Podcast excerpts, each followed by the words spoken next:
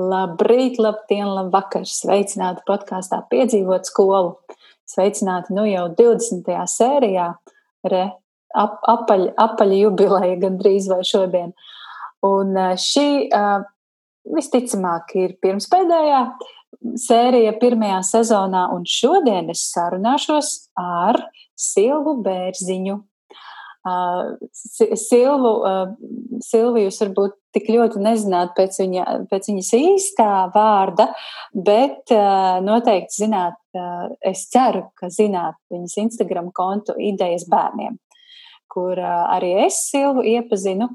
Un šodien man būs liels prieks beidzot ar Silvu aprunāties. Čau, Silva! Čau, čau! Kāds veids apaļajā podkāstu sērijā? Jā, paldies, paldies. Jā, neticami 20, 20 sarunas jau ir notikušas, un, un kaut kā liekas, ka tas uh, tāds svarīgs notikums manā dzīvē. Uh, kā tu jūties? Vasara ir sākusies, tu atpūties, vai tu strādā, ko tu dari? Vasara ir sākusies, un šodien, šī diena man bija ļoti emo, emocijām bagāta, jo šodien es pēdējo reizi biju savā vecajā darba vietā, un pirmdien sākšu jau darbu par pirmsskolas skolotāju. ah, redz, kā. Tu es, es redzēju, ka tu Instagramā biji ielikusi ziņu, ka tu kā, gatavojies darbam pirms skolas uh, iestādē, un, un tad, tagad, tagad tas sāksies, ja? Jā, jā, tagad tas svarīgais mirklis ir sācies, jā. Nu, kā, tu, kā tu jūties? Tu esi uztraukusies, tu esi mm, kā lai to pasaka, tāda, nu, nevar sagaidīt, kad tas būs, vai kā tas ir pastāst sīkāk? Uh, manas patreizējās emocijas ir nedaudz savienojums par uh, iepriekšējo darba vietu, jo mani kolēģi bija vienkārši fantastiski skaisti un atvadoties raudāju ļoti dikti. Uh, bet uh, par pirmskolu es tiešām nevaru sagaidīt, ir tāds priecīgs satraukums, jo ļoti, ļoti patīk. Um, biju arī tur paviesoties jau trešdien, iepazinos ar bērniem kādu, kādas divas stundiņas. Un tas pirmais iespējas bija tik foršs, ka es tiešām nevaru sagaidīt pirmdienu, kad es varēšu iet un iepazīties tā kārtīgāk. Jā, tas ir valsts bērndārs, varbūt kāds specializētais, alternatīvais. Kā, kā. Nē, tas ir um, parasts, parasts pašvaldības bērnu dārzs pirmskolas, izglītības iestāde. Mm. Tad diezgan liela īstenībā, salīdzinot ar to bērnu dārzu, kurā iet mani bērni.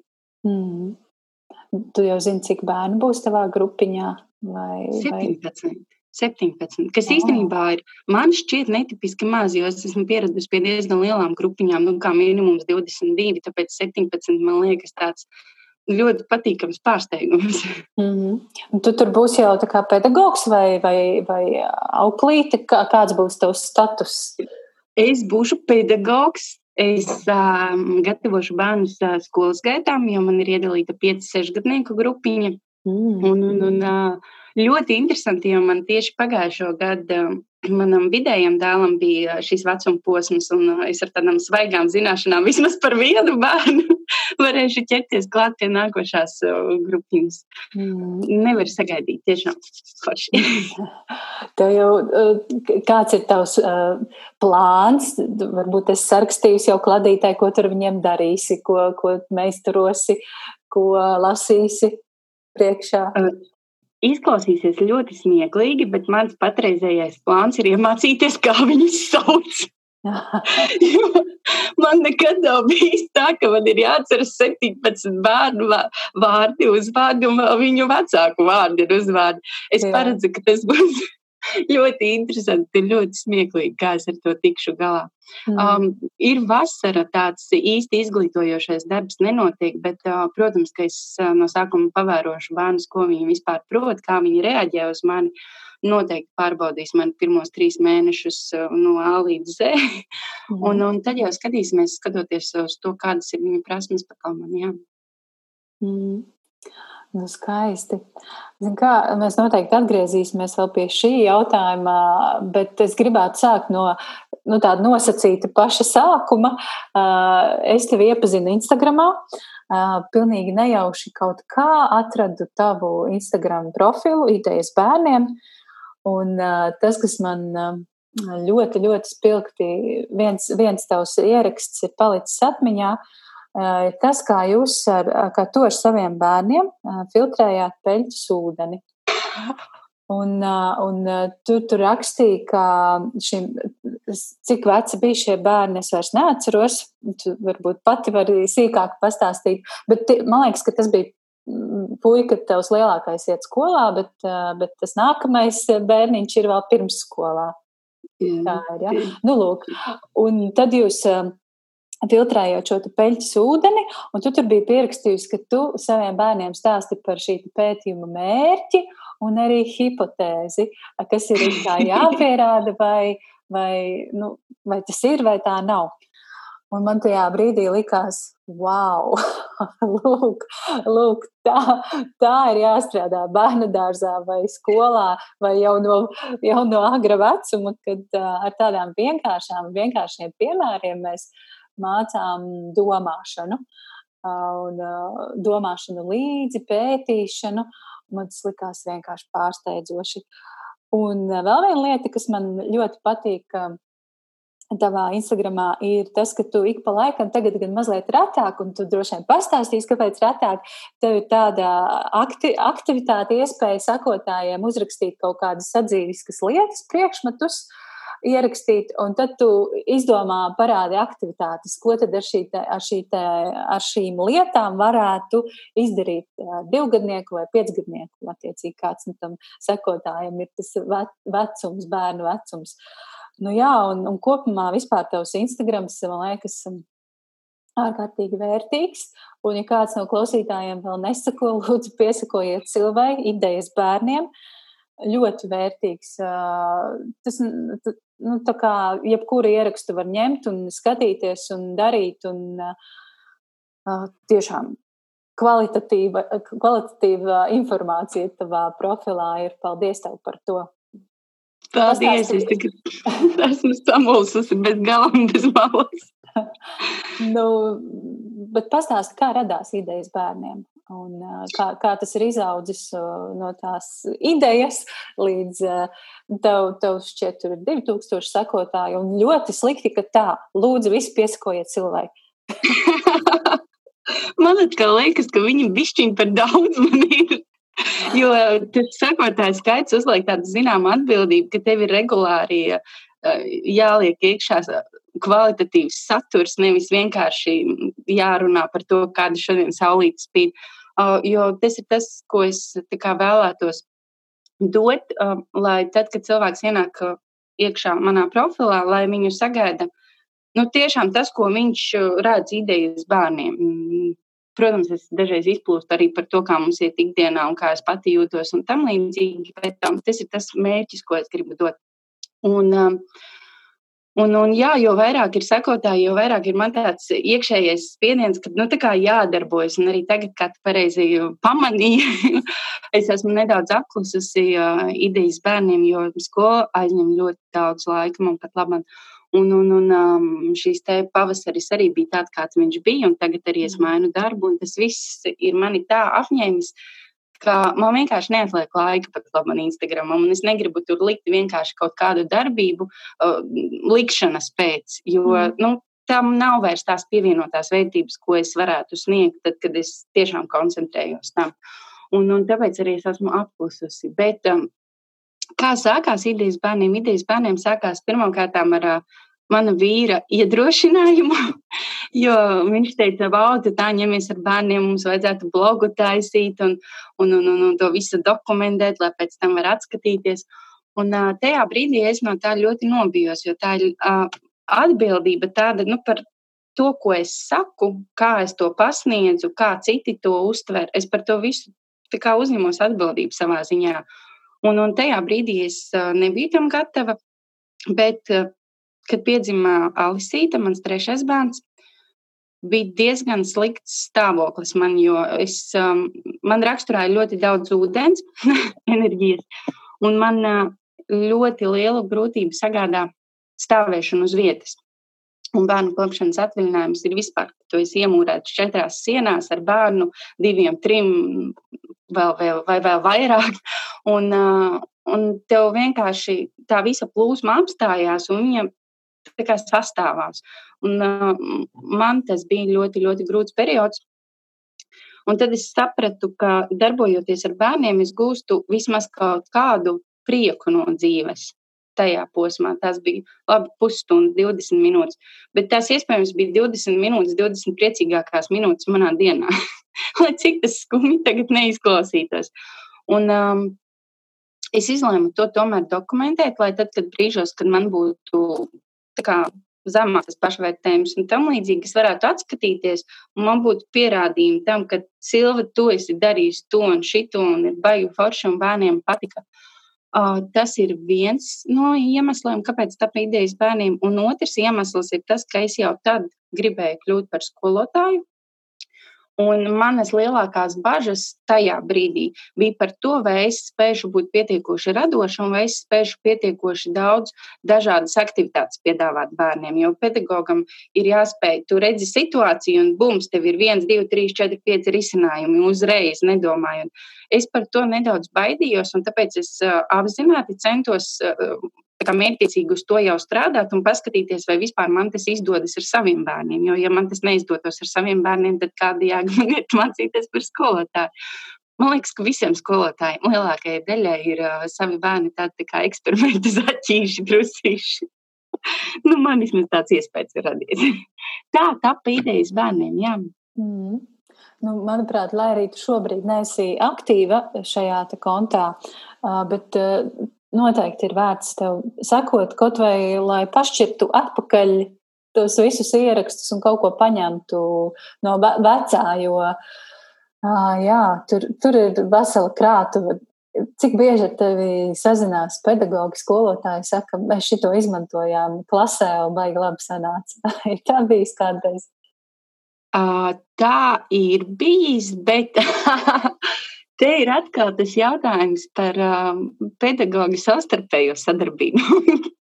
Un tas ir ļoti interesants jautājums īstenībā. Tas ir ļoti interesants jautājums. Lūdzu, parunāsim par šo. Man patīk šis jautājums, jo es visu laiku sludinu dalieties, dalieties, stāstiet, ņemiet, izmantojiet pasakiet paldies, eh, un, un tā, nu, lai notiek tā savstarpējā dalīšanās, citādi mēs katrs sēžam savā aliņā un, eh, un sašķūrējušies ar materiāliem, paši daudz ko neizmantojam, citiem nedodam. Tā. Nu, Tieši tā tas arī ir. Pastāst savu pieredzi. Tieši tā tas arī ir. Arī man bērndārza audzinātāji teica, ka tad, kad viņi uzsākas darbu mūsu bērndārzā, uh, visi sēž uz saviem materiāliem, kā vistas uz siena kaudzes, paši suņus, suns siena kaudzes, tāds tas pareizais teiciens, jā. Un, un paši it kā, paši it kā neizmanto, bet arī nepiedāvā citiem, ne arī, nu, tā kā izpalīdz, un ja arī izpalīdz, tad, nu, tā skatās tā izdomīgi. Tas nav arī pirmsskolā, tas pat ir augstskolā. Mani ārkārtīgi izbrīnīja tas, ka pasniedzēja pusstundu um, dusmojās publiski par to, ka otra pasniedzēja ir nozagusi viņas ideju par mājas darbu pildīšanu. Un man tas likās, wow, kas notiek? Tā kā pat augstskolas līmenī savā starpā šķiet nesarunājas. Jā, es domāju, tas taču ir tik fantastiski iedvesmoties vienam no otra. Un, un, un um, tas, kas man ļoti, ļoti patīk, ir tas, ka skolotāji ir sociālajos tīklos. Um, mani tas ļoti, ļoti iedvesmo. Tu, Aija, mani iedvesmo. es joprojām atceros, kā tev, tavs pārdomas, kad tas uzsāki skolas gaitas atkal pēc kāda pā, laika. Uh, es kā sūklītis uzsūcu visus tavus padomus par lasīt prasmi bērniem un uh, lasīt prieka nostiprināšanu.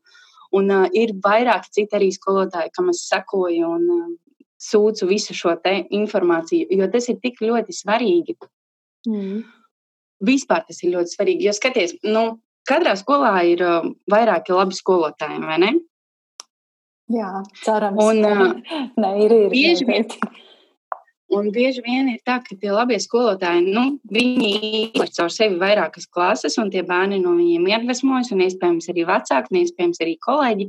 Bet eh, tas viss tur arī paliek. Tas viss paliek tajā labākajā gadījumā par to skolotāju zina noteikts rajons tikai, nu, vai pilsēta, ja tā ir mazpilsēta. Un, um, un tad ir um, tā, ka, piemēram, cilvēks no otra, otras Latvijas malas, uh, Viņš nemaz nezina par tādu skolotāju, viņš nemaz nezina par tik fantastiskām iespējām, par tik fantastiskām idejām. Un, um, un, un, un, un šeit ir um, tas um, mirklis, kad šie sociālie tīkli, Instagram, Facebook, um, podkāsti, bloga lapas uh, ļoti palīdz uh, savstarpēji iedvesmot viens otru. Un, um, pacelt skolotāju prestižu augstākā līmenī, nekā tas ir mūsdienās, diemžēl. Mm. Un tas ir, jā, ir jāizmanto visas 21. gadsimta iespējas, un man tikai priecēja visi skolotāji, kuri dalās ar savu, saviem atradumiem, kuri dalās ar informāciju. Viņi pasaka paldies, jo tā ir atgrieziska saita, un uh, kuram gan citam, ja ne pedagogam, ir jābūt nu, tādai tā nojausmai, ne, bet nu, skaidrai saprašanai par to, kā darbojas šī atgriezeniskā saite. Tu it kā darbā viņu izmanto, bet uh, kāpēc tu neizmanto to ikdienā? Tā jā, ir svarīgi pateikt paldies. Un, tāpat kā mēs bērniem mācām atgriezenisko saiti, tāpat arī mums pašiem tas ir jāmācās. Un, un man patīk pateikt paldies kādiem foršiem ierakstiem, Instagram vai idejām. Un, ir lieliski, ir lieliski, ja arī ir kam pateikt paldies, ja ir tie cilvēki, kas dalās un, un nesautīgi stāstā par visādām pašām lietām, ko var darīt ar bērniem. Tu teici, ka līdz ar trešā bērniņa piedzimšanu tev radās ideja par skolotājas darbu, vai jau mazliet agrāk pastāst par to? Tā ideja par to, ka es varētu būt skolotāja, kaut kad caurstrāvo jau kopš, kopš es sevi atceros, bet ne tik izteikti. Um, kāpēc es izlēmu būt par skolotāju? tad ir, jā, tad ir jāiet mazliet dziļāk un jāuzdod sev jautājums, kāds ir mans dzīves uzdevums? Kāds ir tavs dzīves uzdevums, Aiju? Ah, šis ir ļoti labs jautājums. Es nesen klausījos vienu podkāstu sarunu, uh, Es neatceros, ar ko tas bija. Es tik daudz klausos, ka man beigās viss ir sajūtis. Bet tur tā ideja bija tāda, ja gadījumā mēs visi dzīvotu vienā ciemā, tad ko pēc kā nāktu pie tevis vai pie manis, pēc kā nāktu pārējie ciemi iemīt, iemītnieki, iedzīvotāji, pēc kāda pakalpojuma vai pēc kāda padoma.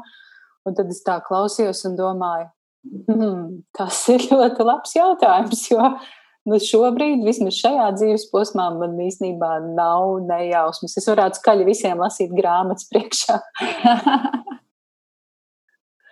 Starp citu, ir vairāki YouTube konti, kur tiešām skaļi lasa grāmatas priekšā, un viņi uh, šķiet tik ļoti interesanti. Tas ir uh, arī lauciņš, kurā tiešām ir vērts apskatīties un ielūkoties dziļāk. Tur, tur visticamāk, varētu būt problēmas ar autortiesībām. Man ir jāsāk pašai atcerēt uh, kaut kādu stāstu un jālasa savu stāstu YouTube.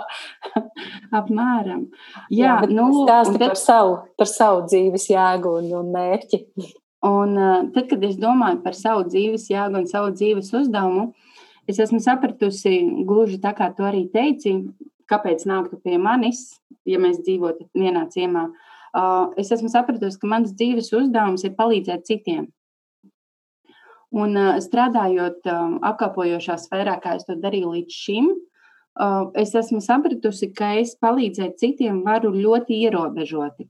Respektīvi, atnāk pie manis cilvēks pusmūža gados, viņš ir satraukts par savu problēmu, un es viņam tiešām lieliski varu palīdzēt viņu problēmu atrisināt un iedot varbūt kādu emocionālo pacēlumu uz 10-15 minūtēm, kamēr viņš iziet ārā no apkalpošanas centra un sastopas ar jaunām problēmām savā dzīvēm bet es nevaru mainīt viņa uzskatus par dzīvi. Es nevaru mainīt to, ka viņš ir nepieklājīgs, ka viņš um, absolūti neieklausās cita viedoklī, vai ka viņš vispār neprot domāt loģiski un uh, spriest loģiski. Uh, un tad ir, man bija tāda pārdoma, kurā brīdī es varētu dot cilvēkiem maksimāli daudz no sevis bija vairāki varianti, kurus es iekšēji domās izskatīju. Es domāju, varētu būt par, par psihologu, piemēram. Jo tad pie tevis nāk ļoti motivēti pieauguši cilvēki, kuri tiešām ir gatavi ar sevi strādāt, un tu esi no savas puses gatavs viņiem palīdzēt un atdot sevi visu, cik jau tavos spēkos ir palīdzēt viņam atrisināt šīs problēmas. Un uh, otra iespēja ir strādāt par skolotāju. Jo tad tiešām, tiešām mērā um, ietekmē visu jauno paudzi, kura iziet cauri tavai klasē. It īpaši tas ir pirmsskolā un sākuma skolā, kad skolotājs bērniem vēl ir autoritāte, kad, kad, kad, kad, kad, um, kad tavs vārds ir kaut kas, kurā ieklausās un tic nekritiski. Mm. Un tas arī ir šis mirklis, kad uh, es sapratu, es tur varu atdot sevi visu maksimāli un sasniegt to, ko es vēlos savā dzīvē sasniegt. Un uh, palīdzēšana citiem, tas arī ir um, ļoti, ļoti daudz um, pašizaugsmi dod. Jo lai tu spētu palīdzēt citiem, vienalga, vai tu strādā ar cilvēkiem birojā, vai tu māci skolēnus, vai tu māci bērnus, vai tu audzini savus bērnus, vai tu miedarbojies ar savu otro pusīti vai ar draugiem. Tas ir nemitīgs darbs ar, vismaz man, ar savu iekšējo pasauli un ārējo pasauli. Tev ir jāspēj būt pietiekoši caurspīdīgam, lai tu spētu adekvāti uztvert vispār ārpasauli bez uh, bez saviem aizvainojumiem, bez saviem aizspriedumiem vai kaut kādām prizmām, caur kuru tu skaties. Um, un tas darbs, ko tu ieguldi sevī, lai palīdzētu citiem, tad sanāk tā kā nu, tiešām sinerģija, ka viens plus viens ir nevis divi, bet trīs. Un tas ir šausmīgi enerģija dod. Nu, tādu tiešām enerģijas lādiņu un pacēlumu. Un, uh, tas ir otrs iemesls, kāpēc es tomēr izdomāju būt par skolotāju. Mm. Man šķiet, mēs mazliet par šo esam runājuši arī Instagramā. Es esmu teikusi, ka man ļoti patīk tava aizrautība, bet tajā pašā laikā man ir bail, vai tu nepārdegsi reālajā darbā.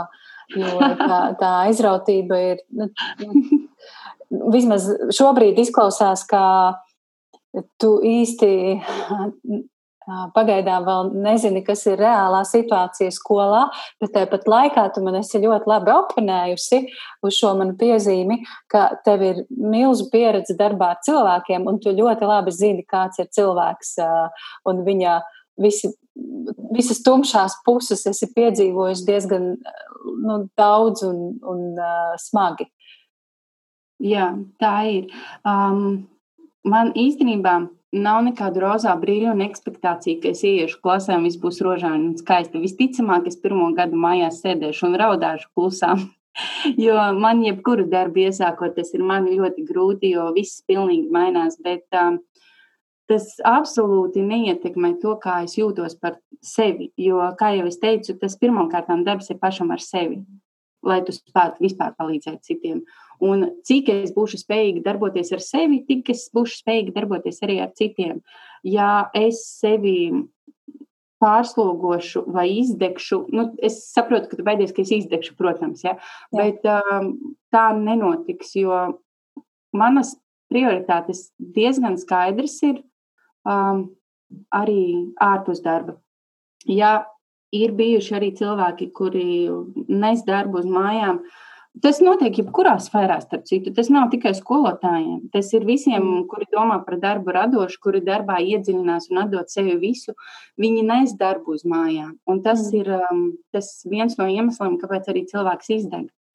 Mm. Man ir tā, ka es aizveru durvis, vienalga, vai es esmu bijusi uh, vadījusi dārziņā nodarbību. Es šeit esmu vadījusi dārziņā nodarbību arī. vienalga, vai es esmu vadījusi nodarbību, vai arī man ir uh, ļoti slikta situācija darbā.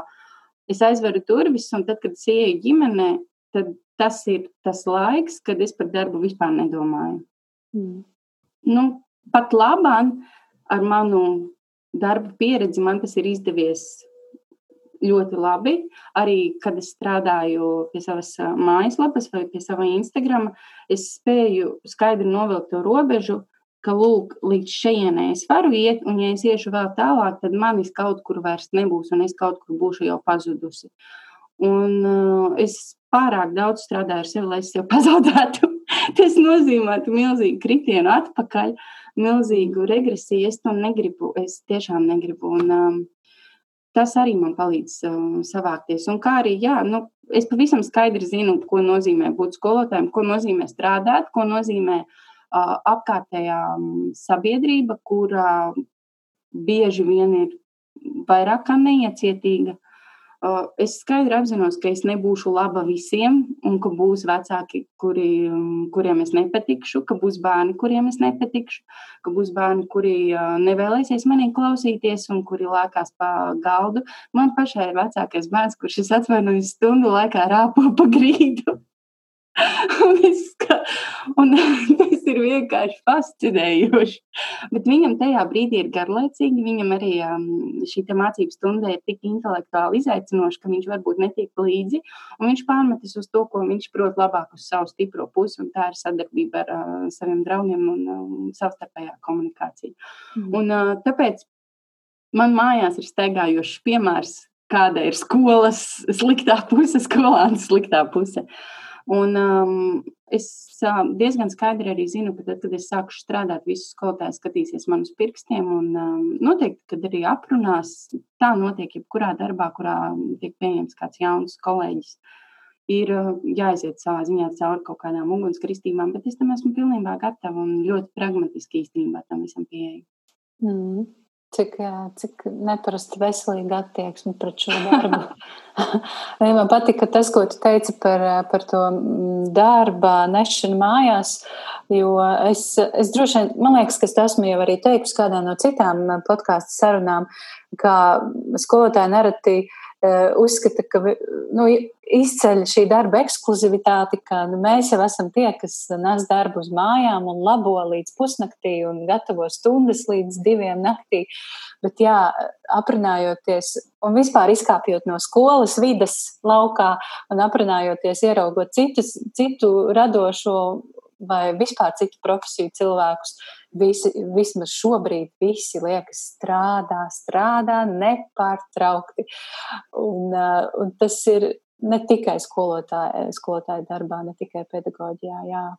Visiem Tieši mums tā. ir jāmācās pašdisciplīna un uh, rūpes par sevi. Uh, man patīk, ka tu nesirgsti ar perfekcionismu. Vismaz tā man izklausās, jo skolotājs un perfekcionisms tā arī ir tāda, man liekas, diezgan bieža kombinācija. Man ir ļoti liels, īstenībā man pret, manā latiņa ir nostādīta ļoti augsti. Gan iekšēji, gan ārēji. Bet um, es spēju sev piedot, ja es to latiņu nesasniedzu. Un tā ir ļoti liela atšķirība.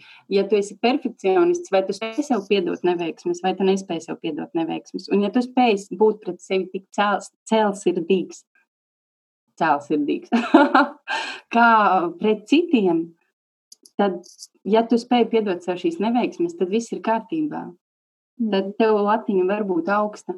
Bet, ja tu nespēj šīs te, uh, cerības pret sevi nu, kā, piedot, ka tu spēj kļūdīties, ka tu esi arī tikai cilvēks un ka tev uh, tā ir kļūda atzīšana sava. Nu, kā, cieņa pret sevi. Tāpat kā tu cieni citus, piemēram, skolēns kļūdās kaut kādā domārakstā, tu taču pret viņu neesi un, un, un nē ar visu savu likumu, vardzību un nedod dievs lineālu vai vēl kaut ko direktoru.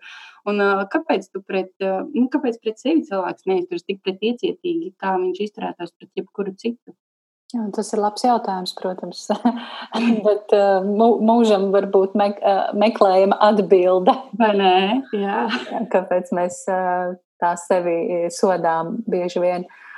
No kā tev ir bail, domājot par darbu skolā? Ir kaut kāda tāda lieta vispār? Uh. Man ir bail no tā, ka apkārtējie mani nesapratīs. Tā notiek arī tagad, jo tad, kad es uzsāku studijas uh, skolā, m, neviens no maniem ģimenes locekļiem mani neatbalstīja. Viņi teica, ka tas ir maz apmaksāts, maz zema prestiža darbs, un kam gan es būšu vajadzīga savā pusmūžā, kurš man ņems darbā. Un, Pats smieklīgākais gadījums bija, kad vienā ballītē es iepazinos ar vienu pedagoģi, kur ir aizgājusi pensijā. Un es biju ļoti priecīga atrast šo te kopēju kas mūs saistīja, jo viņi aizgāja no pedagoģijas, un es sāku studijas. Es tādā priecīgā, paceltā, rožainā balstī stāstu, ka, jā, wow, es jūs abrīnoju, jo es arī sāku tagad pedagoģiju studēt. Šo tu noteikti varēsi izcenzēt. Uz ko viņi atbildēja, kas tu galīgi stulba esi? Tev savu dzīvi darīt nav ko. Nē, nu, galīgi sienā ieskrējusi. Un man bija tāds, wow, kas notiek? Un visi apkārtā, es taču teicu.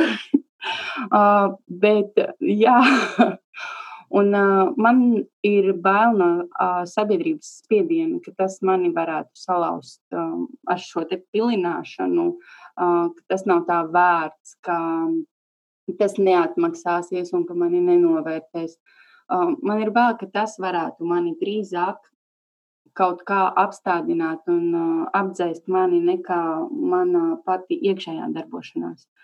Jo arī studējot, ir pilnīgi tas pats. Cilvēki, kur pazīst, piemēram, arī citu manu paziņu, kur strādā pedagoģijā un studē, viņi saka, ka brīžiem liekas, ka mēs studējam pilnīgi divas dažādas lietas, ka viņi studē pedagoģiju un es studēju kaut kādu kodolu fiziku. jo es tik ļoti mācos un tik ļoti tajā visā sevi iegūdu, ka pilnīgi nav salīdzināmas šīs divas lietas. Un, um, tas ir tas, kas manī tiešām biedē, tas, ka es uh, varētu padoties apkārtējo spiedienam un kaut kādā mērā nolaist savu latiņu zemāk, nekā es to esmu pat labam uzstādījusi sev.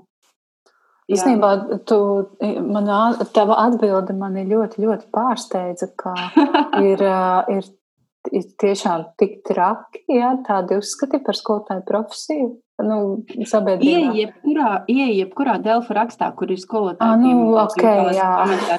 Tāda attieksme ir.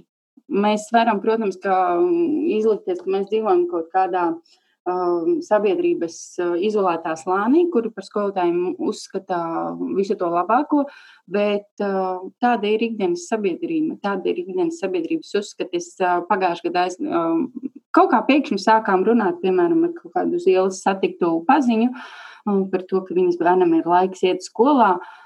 Un sāko pusstundu gānīšanās par to, ka skolotāji neko nedara, ka skolotāji tikai saņem algu un viņi grib, lai bērni sāk mācīt, mā, mā, lai bērni māca lasīt jau uzsākot pirmo klasi un ko tad, par ko tad viņiem maksā un tam līdzīgi.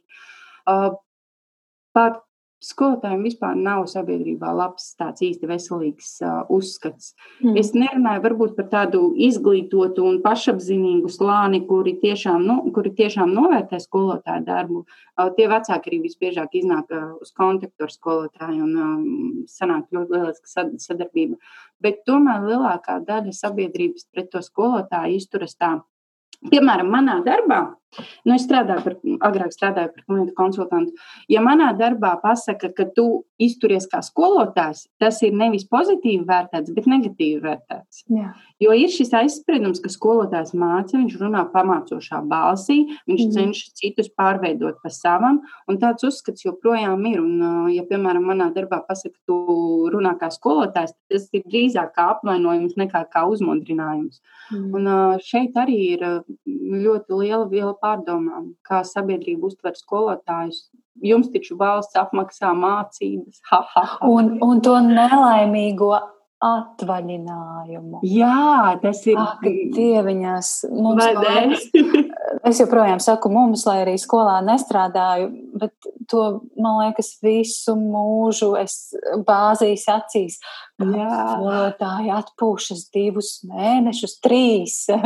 Saka, ka trīs, bet nu, realitātē tāpatām gan daļa augusta, gan daļa jūnija ir Jā. skolā jāpavada, kur Es, ne, nu, jā, es klausos tevi un es piekrītu tam, ko tu saki. Es arī esmu dzirdējis tādu attieksmi. Man mazliet pārsteidz tas, ka to saka nu, tev tuvi cilvēki un tieši acīs. Jā, uh, jā kaut gan ko tur slēpt vai ne savu viedokli. Bet uh, es, es pats sevi Instagram esmu nodevējis par skolotāju advokātu pēdiņās, pedagoģu advokātu, jo man kaitina, mani kaitina šādas runas. Uh, Mani kaitina šī atvaļinājuma pieminēšana, mani kaitina tas, ka mums pārmet, ka kafija tiek dzerta, lai, es, lai arī es mm. vispār, man, tad, kad es strādāju, man nebija laika uz to, lai aiziet. Es nezinu, kurā brīdī vēl to kafiju padzert. Kaut gan es kafiju nedzeru, bet tas tā. Um, un, um, jā, ok, te var daudz un dikti runāt par to, par, par kvalitāti un uh, izglītības sistēmu un tā un tā, bet uh, ir baigais snobisms. Ir Jā. ļoti liels snobisms sabiedrībā pret skolotāju profesiju. Uh, un, ja godīgi, tas ir arī pašos skolotājos. Uh, Tād, tādās kaut kādās amizantās, diezgan dīvainās izpausmēs citam pret citu, nu, kolēģim pret kolēģi. Es, man mamma ir skolotāja, un, un, un viņa pati saka, ka nu, viņa jau viņa ir Kā viņi, viņi tā interesanti. Tad, kad viņi strādā lauka skolā, un tad, kad viņi ar savām kolēģiem dodas uz, uh, uz teātri, tad viņi saka, lauku inteliģence dodas uz teātri. Ja? Un, uh, un tad viņas pašas smējas par to, ka skolotājus teātrī var atpazīt pēc skatiena, pēc frizūrām, pēc kaut kāda apģērba. Un, uh, tas ir uh, smieklīgi, tas ir skumji, tā ir taisnība. Uh, Es, es nezinu, kā, kā par to vispār domāt, kā par to runāt un kā, kā par to reaģēt. Vai ne? Bet tas ir forši, ka piemīt tāda zināmā mērā pašironija par sevi. Jā, jā. Es vismaz to tā uztveru kā tādu veselīgu pasmiešanos, jo bez tā jau nekur nevar tā veselīgu attieksmi dabūt no vienas puses. It kā, jā, bet Es nezinu, man gribētos laikam, lai mēs paši beidzot sākam sevi novērtēt. Jā, arī. Mm -hmm. uh, tu teici, ka tev bail jā, par to, ka, ka tu salūzīsi. Uh, un, uh, un, un tu minēji arī to, ka tā bail, ka tevi nesapratīs uh, tieši kolēģi, ka tevi varētu nesaprast arī. Varbūt ir tāda baila. Um, Es domāju, ka nē, es domāju, ka kolēģi mani pirmos gadus pavēros ar skepsi, zināmu. Droši vien, ka parunās par mani, kaut ko labu, kaut ko sliktu, bet uh, es nedomāju, ka mm. attiecības ar kolēģiem būtu kaut kas um, nu, tāds, kas tiešām man tik ļoti spētu ietekmēt, jo tomēr mēs esam vienā profesijā. Uh, negribētos ticēt, ka tāds uh, mobbings starp skolotājiem pastāv, lai gan es zinu, ka viņš zināmā mērā tomēr pastāv. Mums vienā skolā ir ļoti izteikti tas, ka sākuma skolas skolotāji no um, vidusskolas skolotājiem tiek vērtēti uh, samērā zemu. Viņu viedoklis vispār netiek uzklausīts, un bieži vien tev paiet garām un pat nepasveicinās ar tevi. Mm. Uh, bet uh, mani tas īpaši nesatrauc. Man tieši satrauc tas, ka es nolieku darbu, izēju ārā. Un, um, man patīk, ka darbs ir tur, kur viņš ir. Bet uh, tad, kad sabiedrība runājot ikdienā ar mani vai, vai satiekoties uz ielas vai vēl kaut ko, tad viņi sāks šo te viedokli savu paust. Mm. Kamēr es dzīvoju skolā, savā skaistajā burbulītī, vai arī ģimenē, kura jau ir nu, jau apradusi un nu, jau sāk pat mani slavēt un teikt, wow, tev viss izdodas un ir forši. uh, es tos lielāko daļu sabiedrības iedomu tomēr nevaru mainīt viena mhm. pati. Nu, vispār nekā nevar mainīt. Un um, pat labi, es vienkārši mācos uh, turēt savas domas pie sevis, kad kāds sāk stāstīt, cik skolotāji ir slikti un tam līdzīgi, un cik ļoti nelabu profesiju es esmu izvēlējusies. Un visbiežāk cilvēkiem, nu jau ir tā, ka uh, visbiežāk cilvēkiem, kuri man nezina, es nesaku, ka es strādāšu vai ka es mācos par skolotāju, vai arī uh, es vispār tā nekad neesmu īpaši afišējusi, kur es strādāju un tam līdzīgi, man tas liekas, ka kāda tam ir starpība ar manu personību, nu, kāda tam ir ietekme uz manu personību. Tu nāc pie manis kā pie skolotāja, un tad es strādāju tur, bet, ja tu ar mani satiecies ikdienā un kādā ballītē, tu ar mani satiecies kā ar parastu cilvēku, ne jau kā ar profesijas pārstāvi. Kādu. Mm. Un jā, tur man ir tā lielākā baila, ka, jā, ka tieši ārpus skolas komunikācija ir tā, nu, no kā es nedaudz baidos. Mm. Jā, nu es ceru, ka mēs piedzīvosim kaut, kādu, kaut kādus laikus nākotnē, kad mums, mums pašiem nebūs kauns no savas profesijas no skolotāja profesijas. Un, uh, man ir bijušas situācijas, kad man pasaka, ka tu izskaties kā skolotāja, un es uh, sadusmojos par to. Un tad, un, un, un es tagad tā atskatos uz to un domāju, kāpēc? Kāpēc man ir jādusmojas par to, ka es izskatos kā skolotāja? Tas tiešām ir kā zīmoks jau bez mazliet kaut kāds kā kaunies vai, vai tas ir slikti. Nu, kas tas ir? Tā ir manis izvēlēta profesija. Turklāt brīv, pēc brīvas gribas es to esmu izvēlējusies. Es to strādāju no sirds un no dvēseles un no visa rajona. un, un beigās es par to kaunos. Tas ir šausmīgi. Nu, es par sevi šobrīd runāju. Jā, šeit arī ir tās dažādas interpretācijas. Jo tu, piemēram, ar vārdu skolotājs saproti ļoti radošu, ļoti pretīmnākošu un sirsnīgu attieksmi, kamēr tas otrs ar to vārdu skolotājs skolotājs saprot to stingro ar lineālu sitēju un mm. to, kas liek iezubrīt mācību bildi no A līdz Z. Un um, šīs te divi viedokļi vienkārši, nu, jūs tā kā runājat par vienu skolotāju, bet katrs ar to saprot kaut ko citu. Un, mm. Protams, tāpēc arī rodas visas šīs nesakritības un visas šīs domstarpības. Jā, nu, galvenais ir ticība sev.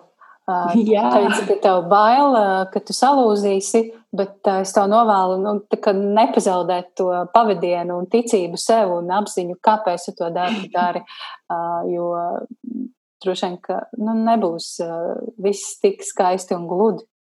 Kā jau, kā jau jebkurā darbā, vai ne? Jā. Tu, tu mācies šobrīd Latvijas universitātē, cik es saprotu, jā? Ja? Jā, jā. Tu esi izlēmusi mācīties tur un pastāst par savām studijām, cik daudz vispār drīkst par to stāstīt. Es nezinu, varbūt mūs klausās kāds pasniedzējs, kaut kad diez vai. Tā, jā, pasveicināt. jā. Kā, kā tev iet studijās, kā tev patīk, cik tas ir vērtīgi un stāsti, jā. Ar tām studijām ir tā, mm, tad, kad es sāku Tā kā arī interesēties par to, kā es varētu tapt par skolotāju, es atradu tādu uh, iespējamo misiju, kuru es zinu, ka arī tev ļoti patīk. un es biju tik ļoti iedvesmota, tik ļoti man tās kvalitātes rezonēja ar uh, manu sapratni, kādam ir jābūt skolotājiem. Es tik ļoti iedvesmojos no tā, ka pieauguši cilvēki var ar tādu uguni acīs un tiešām interesi par savu profesiju iet strādāt par skolotājiem un pie kam ļoti atšķiras. Es esmu runājis ar saviem kursu biedriem, kuriem arī skolās ir bijuši šie iespējamās misijas skolotāji. Viņi teica, ka tas darbības stils atšķiras kā diena pret nakti, kā strādā lielais vairums pedagogu un kā strādā šie iespējamās misijas pedagogi. Ja man būtu bijusi kaut viena augstākā izglītība, es nebūtu Latvijas universitātē. Piedodiet, es būtu iespējamajā misijā par visiem tūkstoš procentiem, un tas ir viennozīmīgi. Uh, bet uh, tā kā man šīs izglītības nav, tad es gāju uz uh, pirmskolas un sākuma skolas uh, pedagogiem. Četri pusgadi jāmācās. Mm. Un tur bija ļoti interesanti. Zini, kas ir visvairāk interesanti, ir tas, ka Mēs cenšamies celt šo zināšanu latiņu, šo kvalitātes līmeni pedagogiem. Um, manuprāt, mans gads bija pirmais gads, kad bija iestāja pārbaudījumi pedagogos. Mm. Uh, rakstiskā veidā pārbaudījums, prof, nu, kā, pārbaudījums par profesijas izvēli, vai kā viņi to pareizi definē, un pēc tam vēl mutiskas pārunas bija. Tas bija ļoti viegli, gandrīz uz pusi vieglāk uzrakstīt motivācijas vēstuli, ko, piemēram, nu, tā kā normāli būtu jādara. Man ir ļoti izbrīnīja tas, cik uh, negatīvi tas viss tika uztverts studentu pašu vidū. Viņi baidījās, ka tas atbaidīs topošos skolotājus no studēšanas. Viņi baidās, ka, piemēram, vidējās atzīmes ņemšana vērā nobiedēs studentus studēt pedagoģiju, vai arī matemātikas eksāmena rezultātu ņemšanu vērā nobiedēs studentus. Bet no tā nav jābaidās. Skolotāju tas izglītības līmenis, nu, piemēram, es skatos uz mūsu kursu, es apzinos, ka tas ir pirmais kurs un droši vien, ka puse atbirs, un tad es tā kvalitatīvāk varēšu par to studiju procesu spriest otrajā, trešajā, ceturtajā kursā. Bet pat labam es skatos uz saviem kursabiedriem, un, zini, man māca mazliet bažas par skolotāju izglītību. man māca bažas par to, kādu skolotāju iespējas skolas beigšanas māca skolu.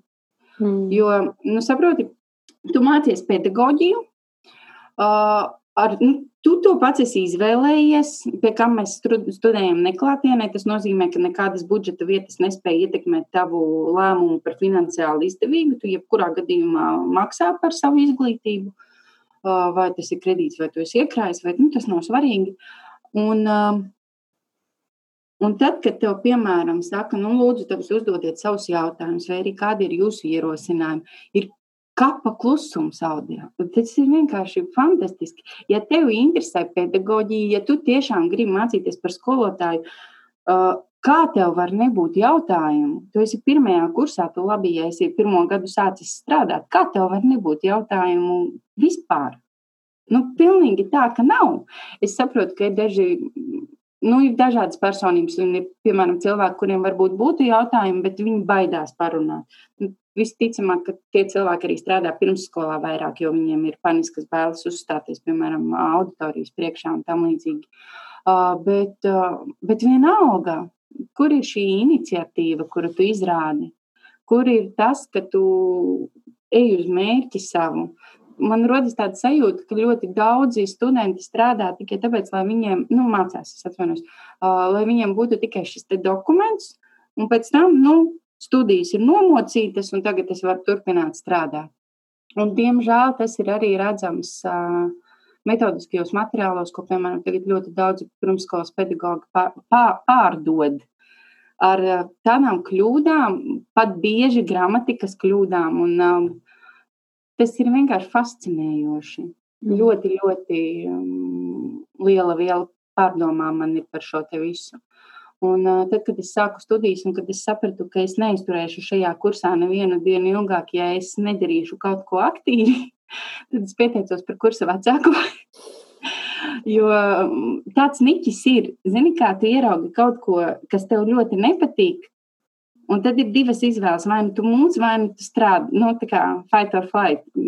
Vai nu tu cīnies, vai arī tu mūc projām. Un es mm. vienmēr cenšos izvēlēties to cīnīšanās iespēju.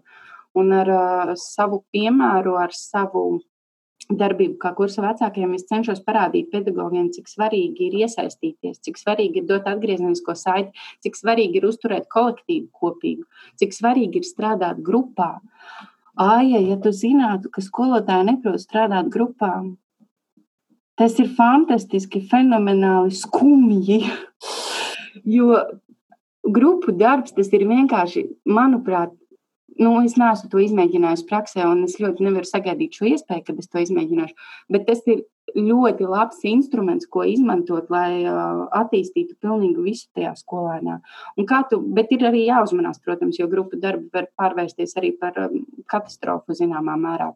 Un Jā. kā tu vari pielietot šī, šo metodi veiksmīgi tā, lai viņi sasniedz mērķi, ja tu pats absolūti nesaproti, ko nozīmē strādāt grupā, ko nozīmē pienākumu sadala, ko nozīmē elementāra komunikācija, ko nozīmē cieņa pret uh, savu grupas biedru prezentācijas laikā.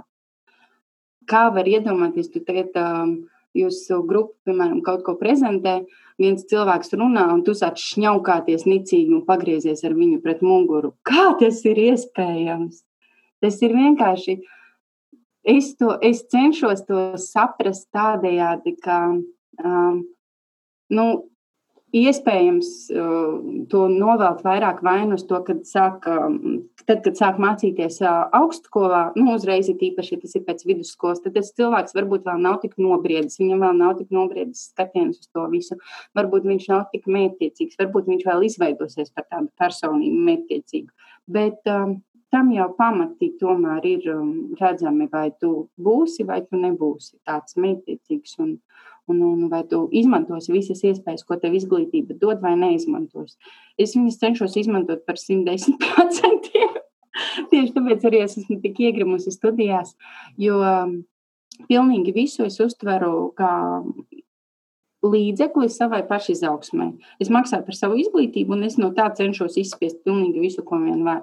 Arī esot kursa vecākajai, es to cenšos uztvert kā savā ziņā treniņu, kā ir būt skolotājam, kā ir tad, ja tu skaidri zini, ka stundā, nu, lekcijā ir pateikts tas un tas, bet tev joprojām nav skaidrs un joprojām nav skaidrs līdz brīdim, kad tu, piemēram, uzdrošinies apgalvot, ka tev tas vispār nekad nav ticis skaidrots. un, um, tas viss ir man tā kā priekštreniņš tam, ko nozīmē būt par skolotāju. Nu, tā es to uztveru. Un uh, tas izglītības līmenis skolā vispār, nu, augstskolās, nu, ir tāds diezgan, diezgan tik bēdīgs, ka, piemēram, pat daudzi pasniedzēji pat necenšas. Uh, labiem darbiem. Viņi tā, nu, izvelciet uz to četrnieku, nu, um, es jums atsūtīšu atpakaļ darbus, izlabotus, un viss būs labi, un kaut kā mēs jūs izvilksim aiz matiem. Tas ir pirmais kurs. Tas nav ceturtais kurs, kad cilvēkiem jau sākas kaut kādas lūzums vai apnikums vai kaut kas tamlīdzīgs. Tas ir pirmais kurs tikai. Un um, lūk, šis tie jautājumi man ir um, ļoti daudz pārdomu raisa. Mm. Jā, Jā. tā, tā aina ir diezgan skumja, es teiktu. Tas, ko tu man tikko pastāstīji un aprakstīji. Jā. Es, es vēlos, varbūt, nu, kā, tas ir tikai par mūsu kursu. Es, protams, nezinu, kā ir par citiem. Un Pilnīgi iespējams, ka mana latiņa vienkārši ir pārāk augsta tam, kā citi uz to skatās. Jo es pilnīgi zinu, ka tā arī ir. Bet nu, vienalga manas tās iekšējās prasības pret uh, to, ko nozīmē būt skolotājiem un ko nozīmē mācīties, studēt par skolotāju. Acīm redzot, viņas nesaskan ar to, kāds ir tas vispārējais līmenis un vispārējā mm. izpratne. Nu jā, bet cik, cik zemu mēs to latiņu varam laist, vai ne? Nu, vai ne? Tad, tad, tad jau mēs varam runāt riņķi un apkārt par vienu un to pašu vēl 50 gadus, un nekāds skolotāju profesijas prestižs netiks sasniegts. Un, uh, mums būs kauns, uh, jo, jo jā, varbūt būs, uh, mums būs tāds kolēģis, kas prezentācijas laikā vienkārši būs nicīgs, pagriezīs citiem muguru un pateiks, ka tas viss ir nekam nederīgs. Mm diezgan, diezgan traki, jā. Bet noteikti ir taču arī kaut kas labs. Lūdzu, pastāsti kaut ko labu par šīm studijām. Man ir ārkārtīgi prieks klausīties to, ka tu uh, to centies paņemt no tā visa, no tā, ko tev dod, vēl, vēl vairāk izņemt laukā. Es esmu redzējusi bildes tavā Instagramā, kur tu sēdi pie grāmatu kaudzes un tiešām studē un mērķiecīgi buries uh, teorijai cauri. Un, un jā, kā tu minēji, tas ir tikai pirmais kurs. Uh, Pastāsti par, par kaut kādām tādām pozitīvām lietām, pozitīviem mirkļiem šajās studijās, kaut kādiem saviem sasniegumiem. Hmm, pozitīvie mirkļi. Pašas studijas ir viens pozitīvs mirklis. tas, ko tur var iegūt, tās tiešām tās teorētiskās un praktiskās, varbūt praktiskās mazāk, bet tās visas teorētiskās zināšanas ir, tas ir vienkārši kaut kas fantastisks īstenībā. Um, Tā, es mazliet apmulsu. Tūlīt pastāstīšu. Man ļoti patīk tas, ka skola ir pretīm nākoša idejām.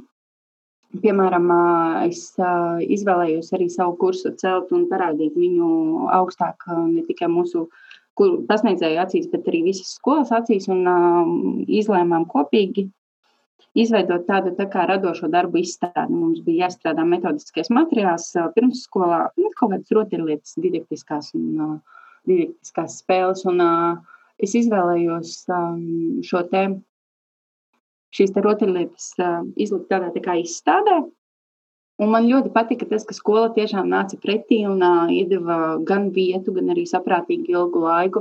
Un uh, studenti pašpārvalde pat piedāvājās plakātus izlīmēt pa skolu, lai nu, atbalstītu mūs. Tas ir uh, ļoti fantastiski. Man uh, patīk tas, ka es esmu izlēmusi vēl šādas tādas lietas, ko es vēlos savam kursam atalgot viņu. un uh, man patīk arī, ka šajās lietās, ko es esmu izlēmusi, uh, arī dekāne nāk pretī un saka, jā, mums ir vairāki veidi, kā mēs to varam sasniegt, varam to, varam šo, varam to, un tev palīdzēs, un viss būs labi, un atnāksi pie manis, pēc tam izskatīs ļoti patīk tā attieksme, kura tiešām ir tāda, cik jau nu iespējams pretīm nākoša.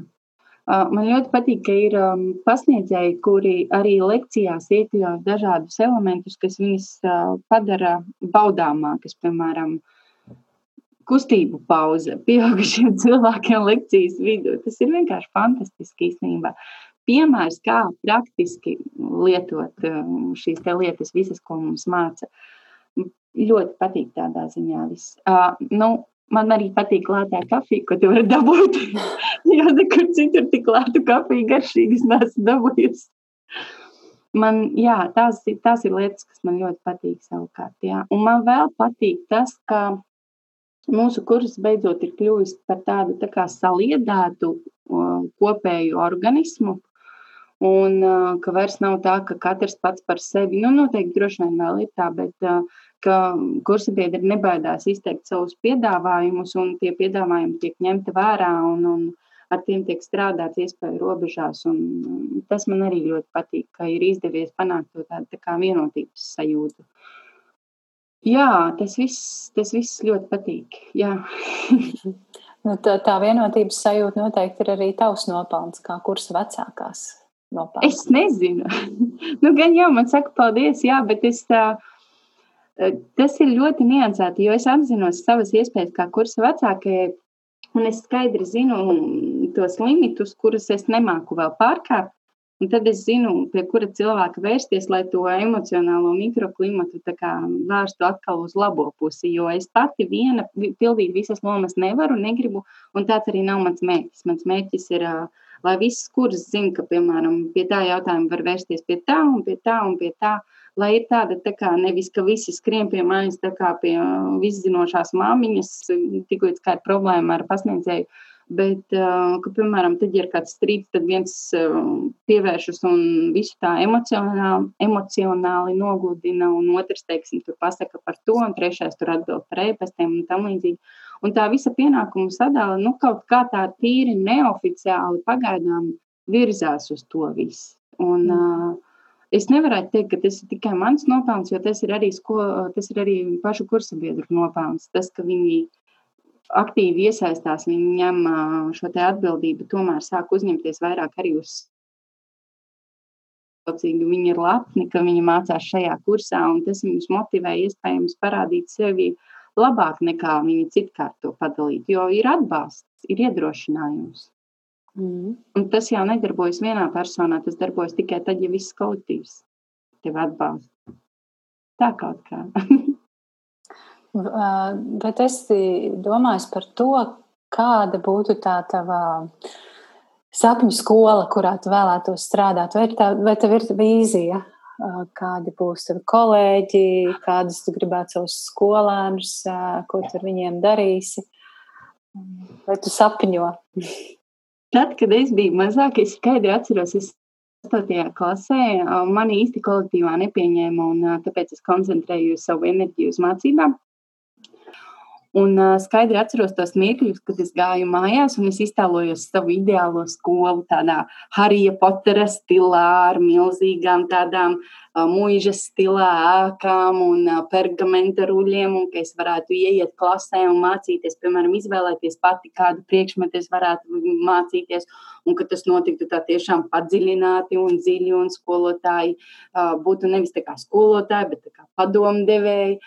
Un, uh, tā vīzija varbūt ir mazliet uh, tuvojusies realitātei, bet tā ir tā, kāda es iztēlojos savu sapņu skolu. Kas skolotājs tas, kurš stāv klasē priekšā un māca, bet tas, kas stāv skolēnam blakus un rāda, kā ir mācīties.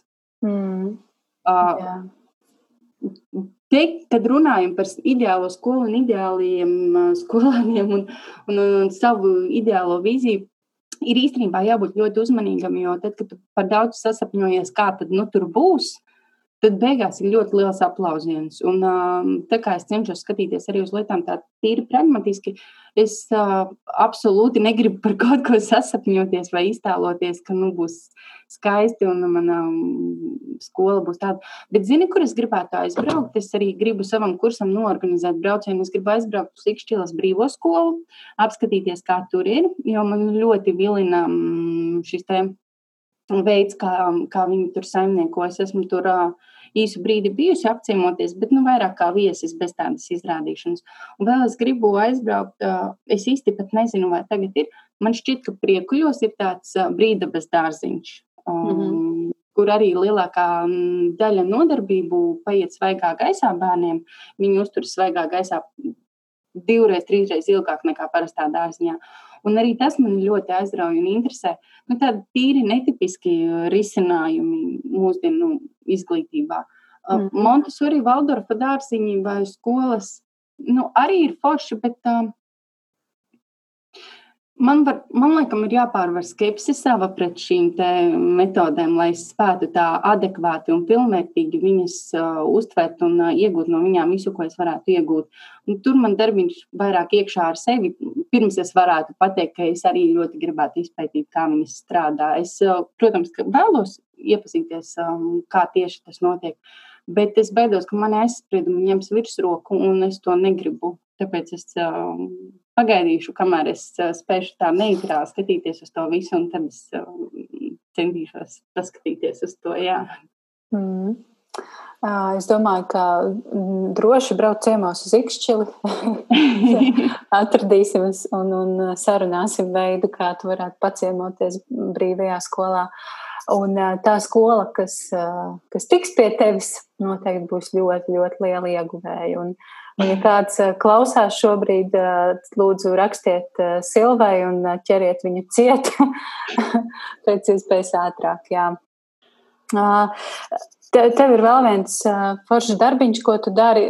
Tas ir tas pats bloks, kurā tu esi apkopojusi dažādus internet, interneta resursus, kas varētu noderēt mācībās, pedagoģijā, darbojoties ar bērniem.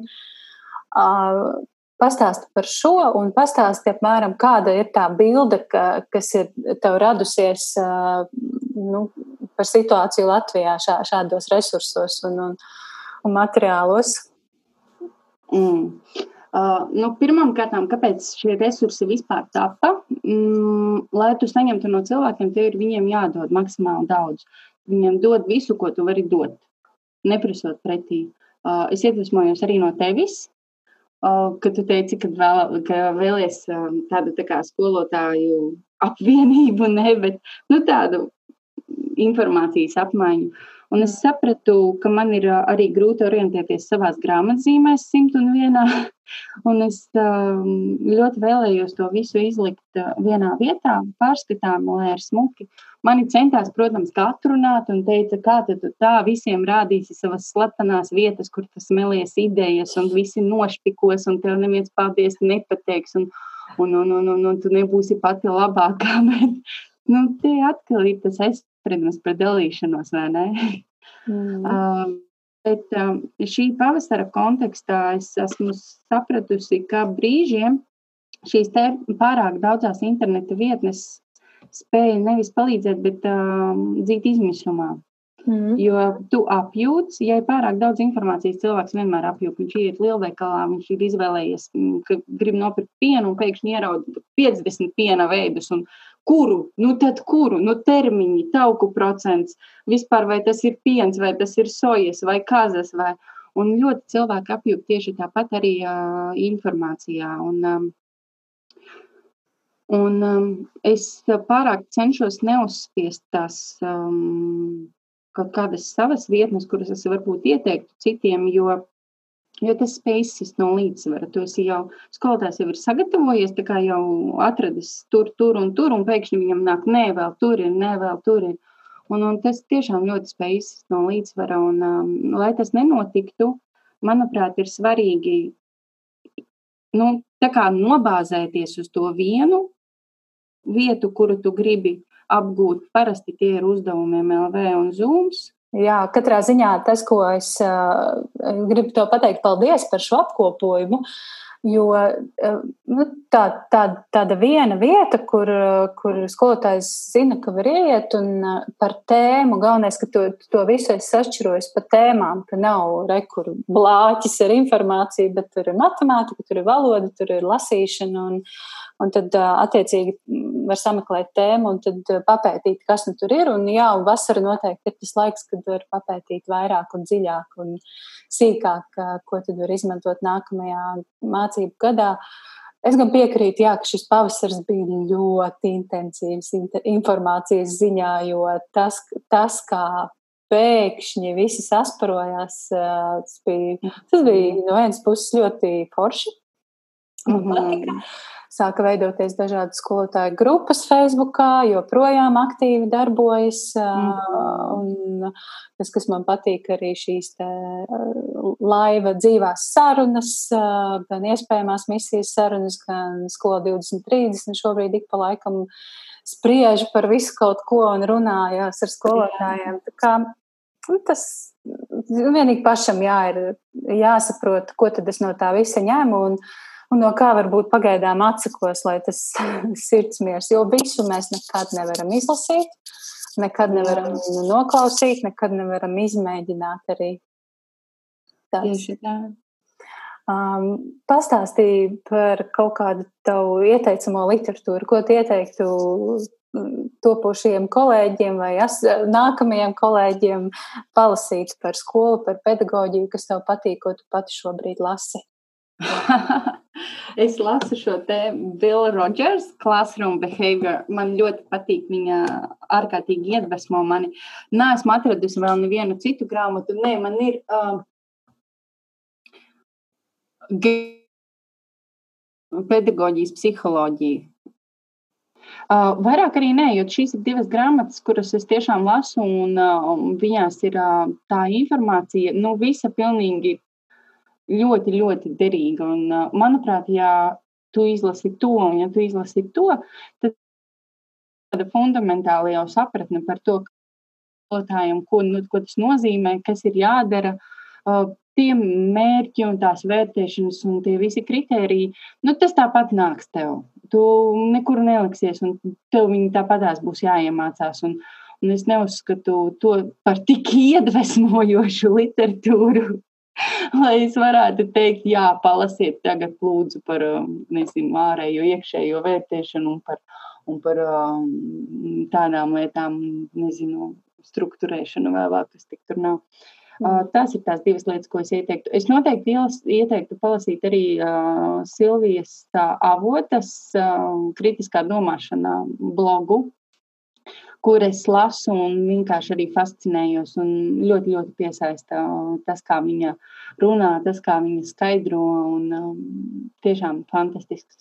Uh, savukārt, pirmskolas skolotājiem nu, tādai iedvesmai es uh, varbūt varētu arī ieteikt uh, Ievetas Pudānes blogu, kur arī ir viņas gan idejas radošajiem darbiem, gan arī viņas pārdomas par to, ko nozīmē būt pirmsskolas pedagogam, kas ir svarīgi būt, kas ir svarīgi, lai tu būtu veiksmīgs pirmsskolas pedagogs un tieši no šī aspekta paskatīties. Nu, tas ir tas, ko es ieteiktu, tas mazāk zināmais.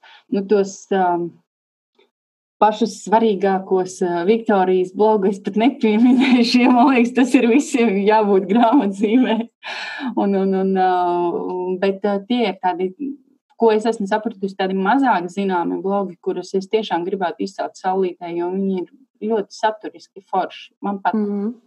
Paldies. Tad es arī pievienošu sērijas aprakstā linkus, saites šiem blogiem, lai, lai cilvēki tad var iet un skatīties un palasīt. Um, nu, ko, Silva, esam aprunājušās par, par sāpīgām priecīgām lietām un jautājumiem. Jā. Es tev teikšu paldies par šo sarunu un novēlēšu skaistu vasaru. Paldies, tev, Aija. Es tev novēlu skaistu 21. arī tev. Tu minēji, ka šī ir pirmspēdējā. 21. būs pēdējā. Jā, šajā jā, sezonā. Jā, jā es, es ceru, ka.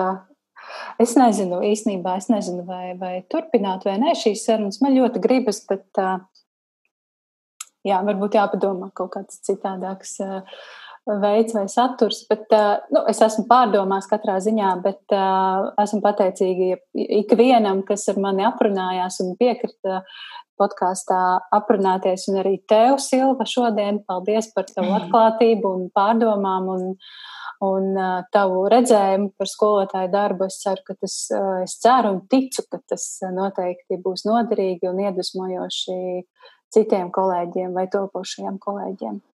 Paldies, tev, Ai, par šo iespēju un par podkāstu. es uh, noteikti iesaku tev turpināt to visu. Un kādā formātā un, un, un kādā veidā tas to tev pašai būtu jāizdomā, bet tas, ko tu darīji, vienkārši fantastisks darbs īstenībā. Paldies! Redz, kā mēs tā forši šodien esam, esam apmainījušies komplimentiem. Jā, nu labi. Paldies, Silva, un paldies arī visiem klausītājiem. Šodien tiekamies citreiz. Tā. Tā.